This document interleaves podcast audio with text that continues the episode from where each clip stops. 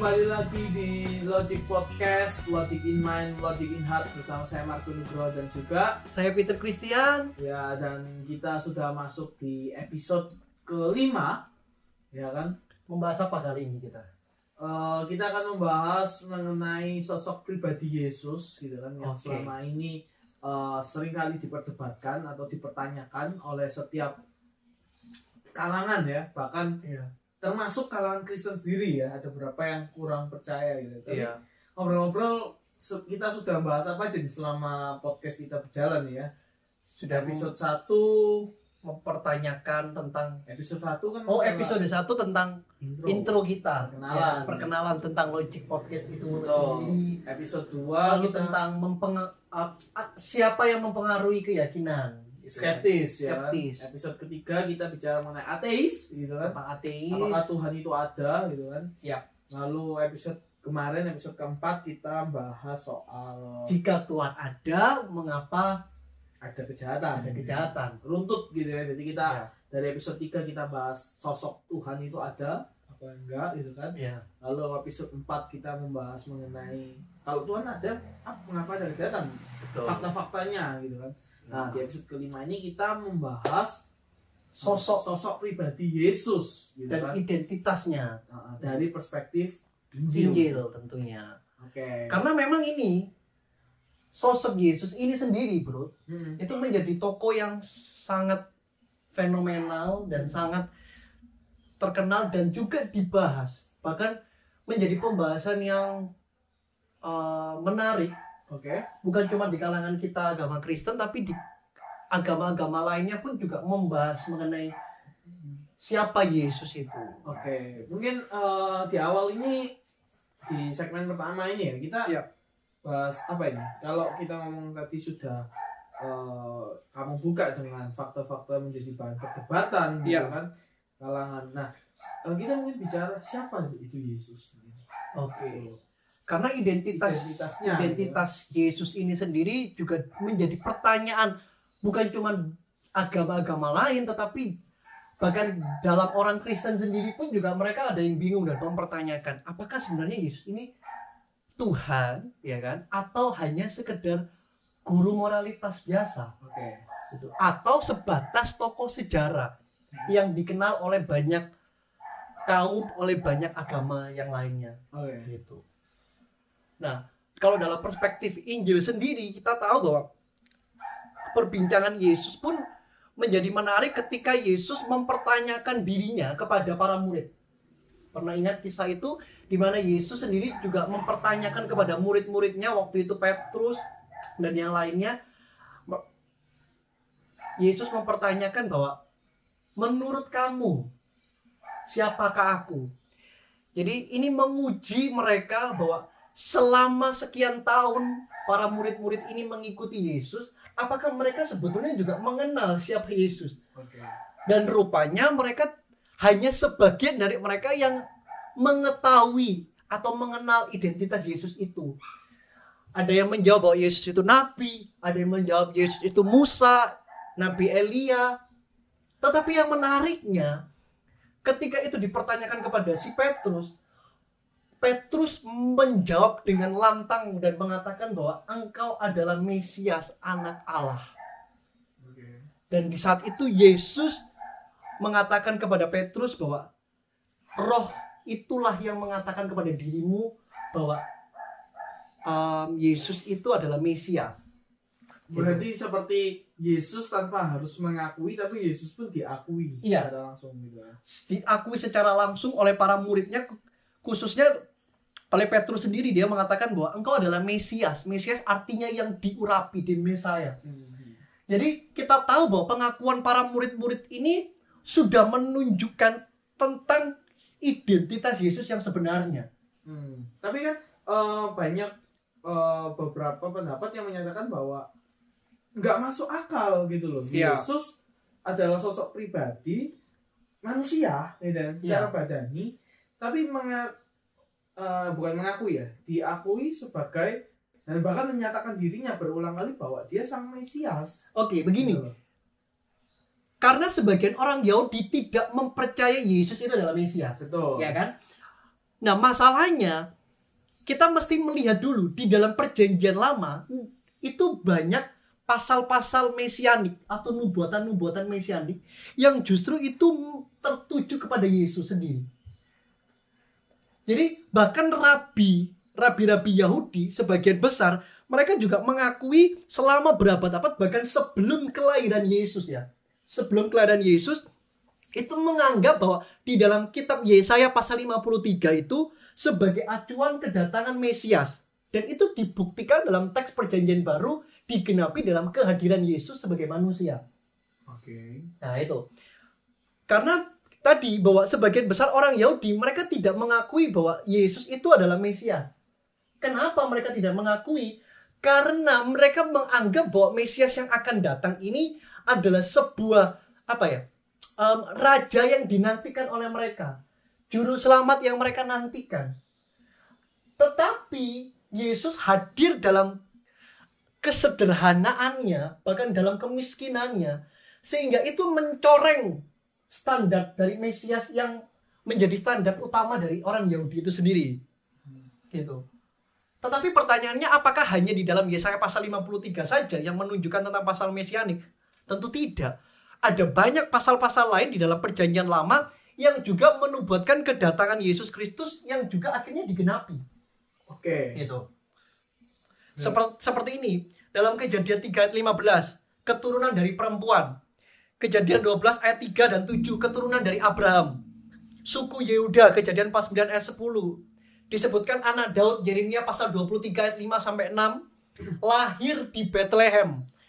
Di dalam Mika pasal 5 ayat 2 mengunjungi bait suci. Maliaki pasal 3 ayat 1 meninggal tahun 33 dan di Daniel 9 ayat 26 lalu disebutkan di Yesaya 53 ayat 11 tadi bangkit dari kematian. Pertanyaannya, siapakah di sepanjang sejarah dalam dunia ini? Yang pertama, dia keturunan dari perempuan, keturunan dari Abraham, suku Yehuda, anak Daud yang disebut Tuhan lahir di Bethlehem, mengunjungi bait suci, meninggal tahun 33, bangkit dari kematian, hanya Yesus Kristus dari Nazaret satu-satunya kandidat yang memenuhi kualifikasi dan kriteria tersebut. Jadi itu tidak bisa dibantahkan. Walaupun sebagian besar orang Yahudi tidak mempercayai bahwa Yesus itu adalah Mesias. Tetapi kalau dalam kitab mereka yang disebut kitab Tanakh, itu juga menyebutkan kalau mereka mau mengulik Yesaya pasal 53 dan kalau mereka mau jujur dalam hati mereka, bahkan sebagian besar Rabi Yahudi juga mengakui bahwa Yesaya pasal 53 ini mengandung pasal nubuatan mesianik, nubuatan ya. Nah bedanya nubuatan ini bukan seperti ramalan atau prediksi yang mungkin bisa gagal atau bisa meleset. Tidak, tapi nubuatan itu penempatan ketepatannya itu bisa diuji secara historis. Oke. Gitu.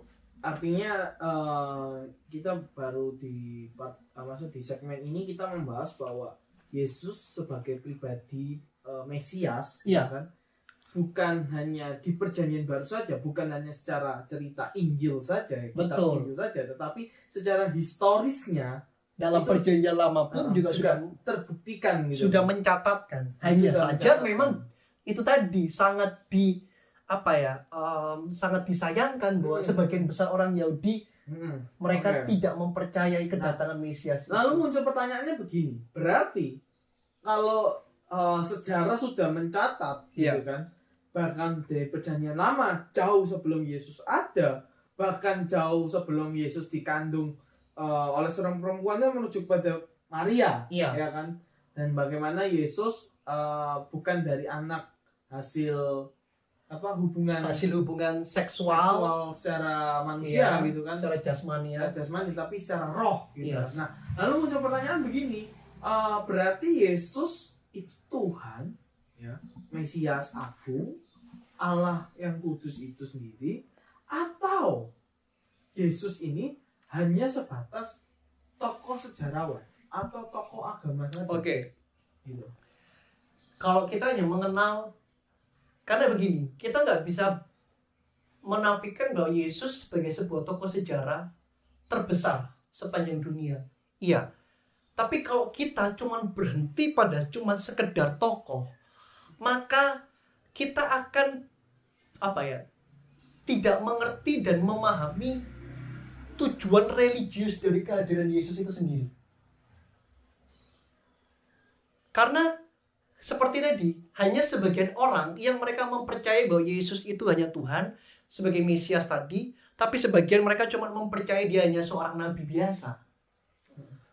Sedangkan dalam penulisan perjanjian baru sendiri, mereka yakin betul bahkan mengklaim bahwa Yesus itu adalah Tuhan. Seperti dalam Yohanes pasal 1 ayat 1 dan 4. Dikatakan bahwa firman itu adalah Allah dan firman itu menjadi daging atau menjadi manusia. Bahkan Paulus pun juga mengatakan bahwa Kristus adalah Allah di atas segala sesuatu dalam Roma pasal 9 ayat 5. Sebab di dalam dia itu berdiam secara jasmania dalam tubuh manusianya itu kepenuhan kealahannya. Bahkan di dalam bahkan Petrus pun di 2 Petrus 1 ayat 1 itu menyatakan bahwa orang percaya memperoleh iman oleh karena apa? keadilan Allah dan oleh karena juru selamat kita siapa? Yesus Kristus. Dalam Matius pun disebut Immanuel Allah beserta kita dan juga bahkan iblis mengakui sendiri bahwa Yesus itu adalah Tuhan. Di mana? Di dalam Matius pasal 8 ayat 29 dan Lukas pasal 4 ayat 34. Kita ingat kisahnya dalam pencobaan di padang gurun. Oke. Jika engkau adalah anak Allah, maka ubah batu ini menjadi roti. Pencobaan yang dilakukan oleh iblis kepada Yesus itu membuktikan bahwa iblis pun mempercayai bahwa Yesus itu adalah Tuhan. Seperti pertanyaan memancing gitu. Iya, seperti pertanyaan memancing. Jadi kita mesti sadar betul bahwa Yesus ini cuma bukan berhenti kepada tokoh sejarawan atau tokoh agama terbesar, tapi kita juga harus mempercayai sebagai kondisinya yang religius atau mengerti dan memahami esensi religius kehadiran Yesus sebagai Tuhan dan juru selamat manusia yang menyelamatkan. Oke. Gitu. Berarti artinya adalah eh, dia 100% Tuhan dan dia juga 100% sebagai tokoh Ya. dan tokoh agama itu tanpa menghilangkan esensi dari pribadinya. Pribadinya, betul. Mungkin ada kayak eh, kayak pesan kunci atau mungkin bukti-bukti lah. Kita ngomong bukti-bukti Oke. yang menyederhanakan gitu kan buat large people sekalian yang mungkin lagi dengerin sekarang kayak bukti-bukti eh, secara poin kalau misalnya iya memang betul bahwa Yesus itu adalah Tuhan Oke. gitu. Karena tadi kita sudah menjelaskan bahwa pasal sorry perjanjian lama sudah menyebutkan pasal-pasal nubuatan mesianik. Di perjanjian baru sudah diklaim bahwa Yesus adalah Tuhan. Tapi adakah Yesus sendiri menyatakan dirinya sebagai Tuhan? Ada. Saat dia diinterogasi oleh Kayafas, kita tahu bahwa Yesus diinterogasi oleh Kayafas, Ya kematiannya ya. Ya, Kayafas menanyakan sendiri, apakah engkau Mesias? Tuhan menjawab, akulah dia. Kata akulah dia itu menuju kepada ego ini. Dan itu merajuk kepada pesan di mana ketika Musa menemukan, sorry, di mana Tuhan berjumpa dengan Musa waktu itu panggilannya di semak-semak eh, yang terbakar, di mana di situ dikatakan bahwa ketika Musa mempertanyakan bagaimana aku bisa membawa bangsa Israel ini dan mengenalkan Tuhan. Lalu Tuhan menjawab, aku adalah aku. Dan ini Yesus ambil ketika dia diinterogasi oleh Kayafas. Dipertanyakan bahwa apakah engkau Mesias? Dan Yesus menjawab bahwa akulah dia. Itu menunjukkan secara impli- implisit, menyatakan tentang ketuhanannya. Bahkan seorang teolog Philip Payne mengatakan menyimpulkan dari 52 narasi perumpamaan Yesus ada 20 perumpamaan yang menggambarkan tentang Yesus yang juga digambarkan dalam perjanjian lama mengenai Allah itu sendiri. Nah pertanyaannya tadi bahwa apakah ada bukti-bukti tertentu yang membuktikan bahwa Yesus itu adalah Tuhan? Ada tiga hal sebenarnya bukti bahwa Yesus itu adalah Tuhan. Yang pertama adalah tadi penggenapan atas sejumlah nubuatan mengenai dirinya. Pasal perjanjian lama, nubuatan tentang mesianik, bahkan di dalam perjanjian baru. Lalu yang kedua adalah hidupnya yang tidak bercela dan mujizat yang dilakukannya. Bahkan kita bisa melihat dalam tiga setengah tahun perjalanan pelayanan Yesus. Tidak pernah ditemukan sedikit pun dia bercelah. Tidak pernah ditemukan sedikit pun dia berdosa. Bahkan dia melakukan mujizat-mujizat yang hebat. Dan yang ketiga, memprediksi dan penggenapan dalam kebangkitannya itu juga dia utarakan. Itu sudah menjadi bukti yang konkret sebagai atau membuktikan bahwa dia adalah Tuhan. Gitu. Oke, ya. Eh, cukup ini ya, cukup teman-teman, cukup menarik ya pembahasan kali ini mengenai siapa itu Yesus di episode yang kelima ini gitu kan. Eh, mungkin kita langsung aja gitu ya dalam kesimpulan. Untuk kesimpulan kita adalah bagaimana supaya eh, apa yang mendasari deh, kayak apa yang mendasari bahwa iman kita tetap percaya pada Yesus sebagai Tuhan sang juru selamat itu sendiri gitu. Ya. Karena kita tidak bisa berjumpa langsung, karena kita tidak bisa eh, mungkin secara badani berjumpa dengan Tuhan Yesus gitu kan. Tetapi kesimpulannya apa yang bisa kita pegang sampai hari ini. Oke, menariknya kita akan simpulkan dari kalimat C.S. Lewis. C.S. Lewis mengatakan begini, Yesus terang-terangan mengklaim dirinya sebagai Tuhan. Maka ia bukan hanya sekedar guru moralitas biasa yang hebat, yang tidak menipu orang dan menyatakan dirinya sebagai Tuhan. Namun karena Yesus sendiri menyatakan dirinya sebagai Tuhan, hanya ada satu dari tiga kemungkinan yang benar. Mungkin ia adalah pembohong, orang gila, atau benar-benar Tuhan. Kalau perkataan dari pembohong berarti berlawanan dengan fakta yang ada Oke. yang tadi kita sudah sebutkan. Tapi Yesus hidup dan mengajarkan standar etika yang benar dan standar etika tertinggi. Bahkan tidak didapati celah sedikit pun dalam diri Yesus. Bahkan dia mengorbankan hidupnya sendiri bagi setiap kita semuanya. Tapi jika ia berpikir bahwa dia adalah Tuhan, tapi ternyata memang bukan, maka dia adalah orang gila. Maka kemungkinan terakhirnya membuktikan bahwa dia adalah Tuhan karena perkataan paling agung yang dicatat oleh manusia bukan cuman oleh sahabat-sahabat Yesus atau murid Yesus bahkan musuh-musuh Yesus sendiri pun mereka mengakui bahwa Yesus itu adalah Tuhan. Jadi ada dua kemungkinan apakah Yesus itu Tuhan atau bukan Tuhan. Kalau dia bukan Tuhan maka setiap fakta tadi kita akan singkirkan dan terbantahkan tapi kalau dia memang Tuhan berarti dengan sendirinya kita bisa melihat secara historis bahwa sepanjang sejarah semuanya merujuk kepada Yesus adalah Tuhan. Wow, luar Gitu. biasa. Dan kuncinya adalah kita tidak bisa menghapus sejarah ya. Iya, Karena sejarah, Karena sejarah tidak bisa tidak bisa ditipu, betul. tidak Oh. bisa dibohongi juga. Oke, Iya. luar biasa. Dan wow, cukup menarik nggak terasa ya. Eh, hampir berapa ini? 15 menit lebih ya ini ya. Jadi eh, kita Pembahasan yang luar biasa. pembahasan yang cukup menarik mengenai siapa itu Yesus dari pandangan Injil dan juga secara historis kan gitu kan dan oke mungkin eh, cukup ada mungkin Ya, tambahan pesan Kita seperti biasa ada quote terakhir. oke silakan. Quote terakhir ini dari Craig L. Blomberg mengatakan begini, bukti sejarah memampukan kita untuk menunjukkan iman kita. Sebagai akibatnya, iman yang dibutuhkan untuk mengisi ruang yang kosong adalah iman yang masuk akal. Sejarah membuktikan bahwa iman saudara dan saya itu bisa dipertanggungjawabkan bahwa Yesus adalah Tuhan. Oke, oke cukup sekian di episode kali ini. Terima kasih yang sudah mengikuti kami sepanjang episode ini dan juga episode-episode sebelumnya. Mungkin buat teman-teman yang mungkin juga baru pertama kali Logic People sekalian yang uh, baru mengenal Logic Podcast, baru dengerin episode ini, monggo bisa dilihat di episode-episode sebelumnya ya yang tadi sudah kita jelaskan singkat tadi. Ada kita membahas mengenai introduction-nya kami, terus uh, mengenal memperkenalkan skeptis kaum skeptis Ya. ada ateis ya ada kemarin juga fakta bahwa Tuhan dan juga sekarang kita juga bahas uh, fakta siapa itu Yesus gitu kan nah uh, mungkin teman-teman bisa ikuti di YouTube kami itu kan Logic Podcast ID ataupun di Spotify Logic Podcast ID teman-teman bisa langsung cari follow terus juga ikuti setiap minggunya kita akan selalu post dengan episode-episode yang baru selanjutnya dan Ya. juga di media sosial kami. Jangan lupa untuk follow at logicpodcast.id di Instagram. Oke, saya Marco Nugroho pamit.